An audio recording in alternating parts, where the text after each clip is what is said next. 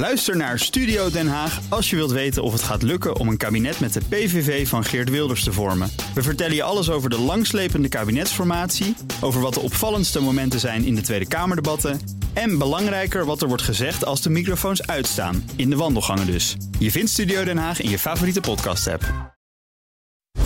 CMO Talk wordt mede mogelijk gemaakt door SRM. SRM, de opleider van marketing- en communicatieprofessionals die excelleren in hun werk. BNR Nieuwsradio. CMO Talk. Klaas Wijma. The dot-com part was a little bit of a old-fashioned heritage in our name. Uh, the logo was too long. Uh, we are much more than only on a website. So was time to say goodbye to, uh, to the past and just embrace how customers already call us, which is Bol. Je hoort Boukje Taphoorn, directeur marketing en duurzaamheid bij Bol. Hoi luisteraar, goed dat je luistert naar CMO Talk, het programma waarin ik CMO's ondervraag over actuele marketingthema's. Voor deze extra aflevering ging ik tijdens het CMO Talk Dinner in het depot Boeimans van Beuningen live op het podium in gesprek met Boukje Taphoorn, directeur marketing en duurzaamheid bij Bol. De webwinkel voerde begin oktober een subtiele naamswijziging door en heet nu Bol, zonder de .com. Welke strategie schuilt er achter deze rebranding en wat zijn de duurzaamheidsplannen van Bol? Je hoort het de komende 20 minuten in het Engels in deze extra aflevering van CMO Talk. How does it feel to be here Well, for the great. second time in this? The CMO second talk? time, but now it's the after dinner shift. So Yes. that uh, puts on even more pressure. You're all a little bit in the uh, dessert coma, and then we get to wake you up, right? Um, now the serious part, because there's actually a recording taking place. Yes. So we're gonna So I'll publish a podcast. So if the audience can be a bit quiet, that will be great. But first, I want to know how everybody's feeling tonight. And then you can shout, you can scream, you can give all your energy. How do you feel, people? all right, that's good, that's good. Well, it's wonderful to have you here for the second time in CMO Talk. The first time was in Dutch, Yes. and now you're going global. Well, that's your promise, right? Yeah, that's So, my uh, promise. I'll do my best. Yes. Boukje, you used to be the CMO of Bol. Yes. Something happened there. There are two things happening. One, you skipped the dot com part, and you added an extra letter, the S. Right? Exactly. Yes. Please explain. So the dot-com part, I probably don't have to explain. That's you know was a little bit of a old-fashioned heritage in our name. Uh, the logo was too long. Uh, we are much more than only on the website. So it was time to say goodbye to uh, to the past and just embrace how customers already call us, which is Bol. Apart from my father, who always calls us Bolcom, he's allowed to uh, continue to. My mom as well. Yeah, I think it's an age thing actually, but uh, that's fine. Your mom can still call us Bolcom. Um, so that's the easy part. And then, well, the S is not that difficult either. That stands for sustainability, which is now also part of my uh, responsibility within Bol. And that's interesting. Isn't that the role Margaret should have, the CEO of Bol? Well, I think maybe a couple of years ago, yes, because then it was still more about, you know, what is happening in sustainability land. Should that be part of our vision, our strategy? But I think it's now so such an important part of the business that it needs separate ownership within the board. And of course, it's everyone's board responsibility to deliver upon our ambitions, objectives. But it really needs ownership, and uh, yeah, I think then the CMO is a really good place to uh, to have that. What, what role should marketing have in embracing ESG? I think there's a couple of roles. So, first of all, I think marketing is really good in understanding customers, in understanding stakeholders. So that's where it starts. Where, you know, where do you have a role to play when it comes to ESG? Because ESG is super broad. It's Yes. anything environmental, social. Uh, there's, uh, you know, loads of uh, sustainable development goals. So where do you, as a company, uh, fit in? Where can you make a difference? then if you understand that, then I think marketing should play a role in writing the strategy. So what is it that we're going to do about it? Then adjusting your proposition and your products to make sure that you achieve what you put down in the strategy. And of course, last but not least, uh, be able to communicate about it internally and, and externally. And that's something that marketing is usually quite good at as well. Nice. As a former marketer of the year, you are praised by your diverse and inclusive marketing approach. And you launched, uh, yeah, a, not a notorious, but a known campaign, the Burkini campaign, last summer. Yes. And it was all over, right? Yes. All over social. media attention. Yes. Yes. Are you a D&I missionary? Well, I'm not sure I would call it a missionary, but I do think that, uh, well, A, a brand should have a voice. A brand should stand for something. Hmm. And our slogan has been since the beginning, de winkel van ons allemaal, which means the shop of us all. So it's very logical that we stand for equal opportunities and for everyone feeling welcome with our brand. And if that's your motto, then of course you have diverse casting, for example. So it's not that we said, let's do a Burkini ad. We said, let's do ads where everyone can recognize themselves. And there happened to be also a Burkini ad in there. So in the, the toy book that we launched, which is the big Sinterklaas uh, um, tradition in the Netherlands, we didn't use uh, children from a casting agency. We used kids uh, by asking kids, hey, if you want to be in the book, let us know and you'll be in the book. So Nice. there's kids of every you know background, uh, any kind of kid who said I want to shine in that book and shine in the book, and we know that representation really matters. So when kids see themselves uh, or someone who looks like them shine in a book, they think, hey, I could also be shining in a book. So it's it's more about making those choices than saying, hey, this casting needs to be this way or here we want to do that. And I think the last example that I'm actually very happy with is our Sinterklaas commercial that just launched, and it's about a girl who first wants to become Sinterklaas. Now, for the non-Dutchies, that's uh, a big uh, white man with a long beard. So, a girl growing up to become Sinterklaas, you would think is a bit of a challenge, but she's adamant she wants to become Sinterklaas. And then in the end, she changes her opinion and she wants to become a police officer. Also, a role that you traditionally think more of men than, uh, than women. But we know from research that uh, the toys you play with, for a very large part, define the choices that you make later in your career. So to encourage kids, you can be anything you want. You can be a policeman. You can be Sinterklaas if you want to be Sinterklaas.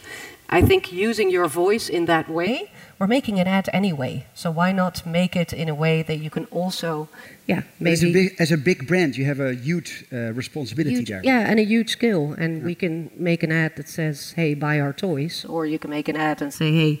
You can be anyone who you want to be, and it's still about toys. Then, yeah, I think you should use the latter. Nice. A big threat of the renaissance of marketing, of the renaissance in general, is, quoting Wikipedia, a focus on earthly life and man as an individual and unique being. Would you consider yourself as a renaissance marketer? Oh, that, that's quite a definition you have there. And when I got your invitation, I thought, mm, Renaissance marketing. What is Renaissance marketing actually? Uh, so I went to ChatGPT, not Google, and I asked, what is a Renaissance marketeer? And according to uh, ChatGPT, it really exists. I was quite surprised by that. Uh, but it's a marketeer with a lot of diverse skills. Um, and then I thought, yeah, that kind of makes sense because the marketeer of today is no longer only really good in brand communication or performance or uh, customer experience uh, or data analytics. You need to, in a way, yeah, manage and master all of these skills.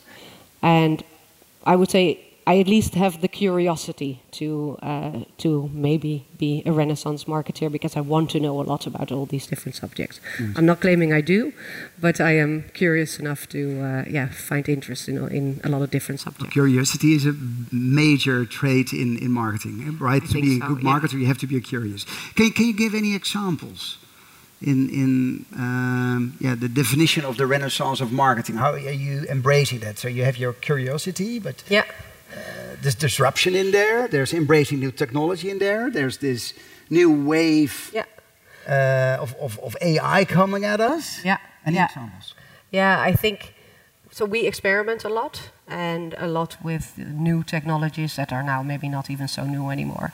But I think the reason why Uh, for example, we are uh, we do quite well on social. It's because we were very early. It started in our customer service department where we just started making jokes back and you know being being the voice that we have now of Bol.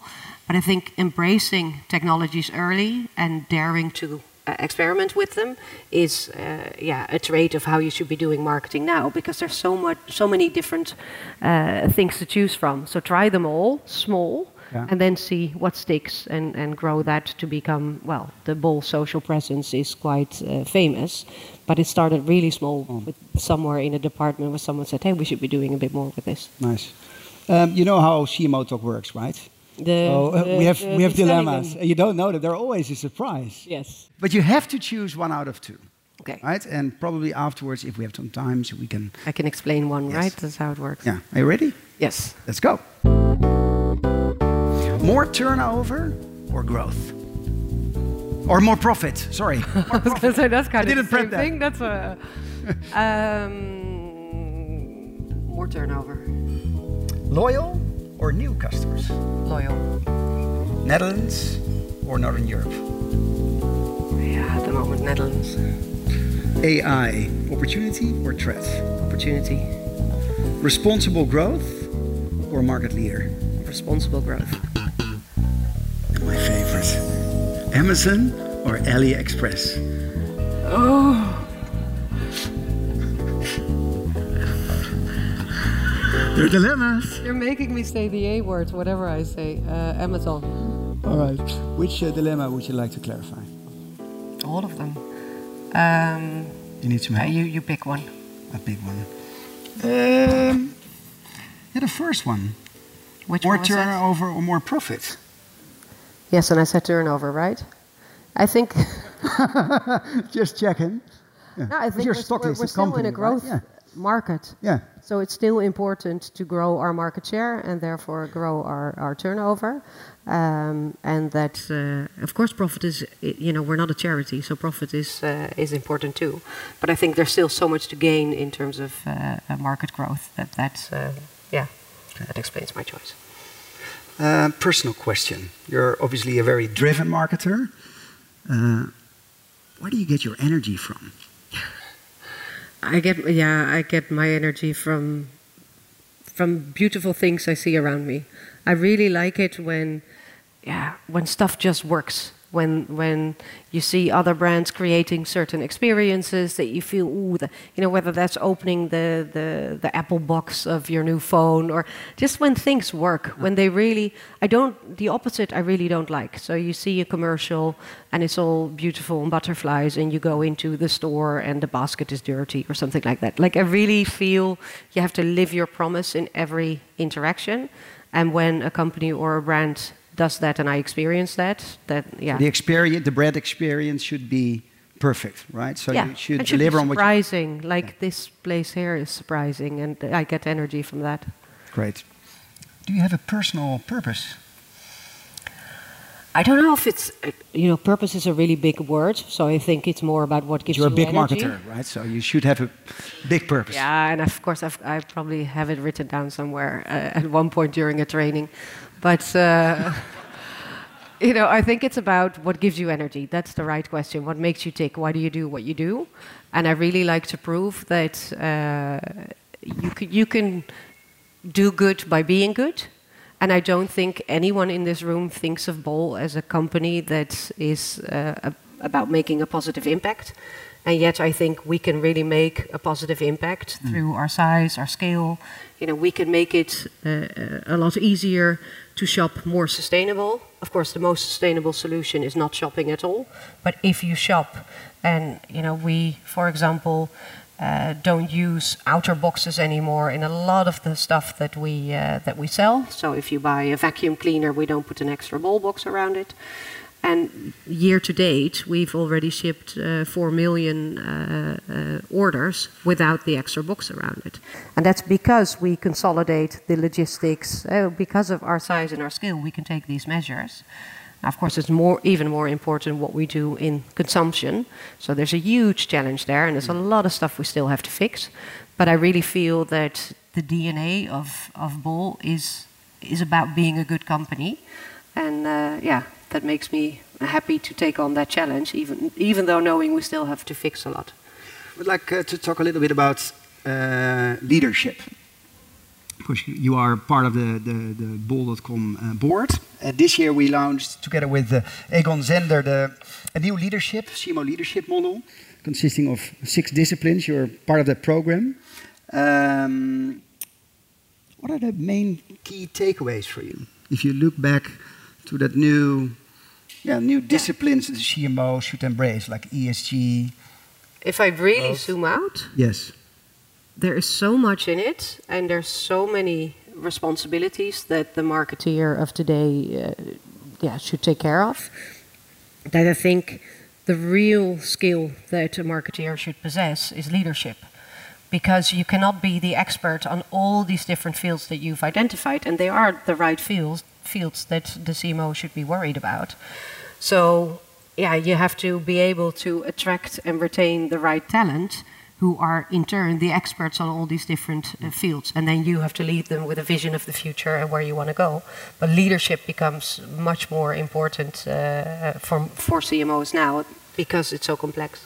There are also four archetypes in Yes. the in the paper. Probably you remember them. Yeah.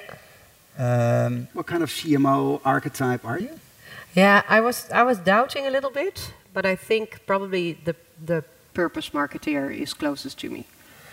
And whether that's you know a big purpose or a small purpose, I think the fact that you yeah you you work on creating something better, I think that gives me more energy than maybe the pure commercial uh, marketeer. That's also part of my role, but uh, I think what makes my heart beat faster is uh, is that role.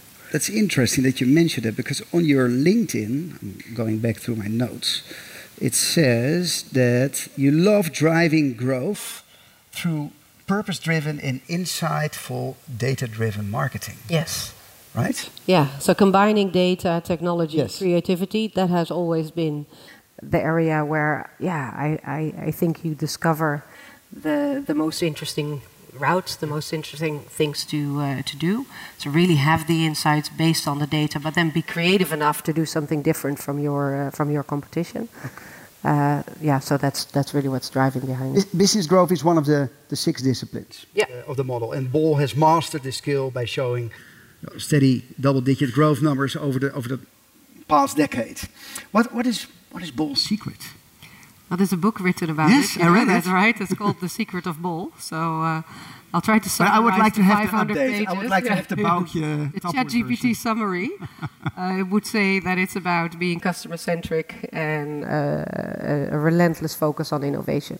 So I really, from we're almost 25 years old, and really from the start, the customer has been at the center of everything we do. And I know every company says that, but I, I've never seen it so alive as in uh, in this company when I joined. Uh, the the Can you give an example? well, for example, the uh, the NPS score. Everyone, we were just talking about it at the table. Everyone measures their NPS, but do you just measure it, or are you on top of it? Do you really take action when you see that your NPS is not going the way it should be going? Is it part of the target of the board? All those kind of measures really show that you're not just saying you're a customer centric uh, company, but that you really embrace being a customer centric uh, company. And I think the way you see it in the brand, uh, especially over the last couple of years, is that we're really focused on showing that we understand you. And that you see in the interaction with our uh, customer service experts. You see that in the uh, in the social accounts that we have. You see it in other forms of uh, of communication or propositions that we develop. It's really about understanding our customers, and yeah, trying to make life a little bit easier for them. And actually uh, talking to them, and right? talking to them. I mean, our, our social uh, uh, account is uh, run by uh, Gerda. Gerda works in accounting.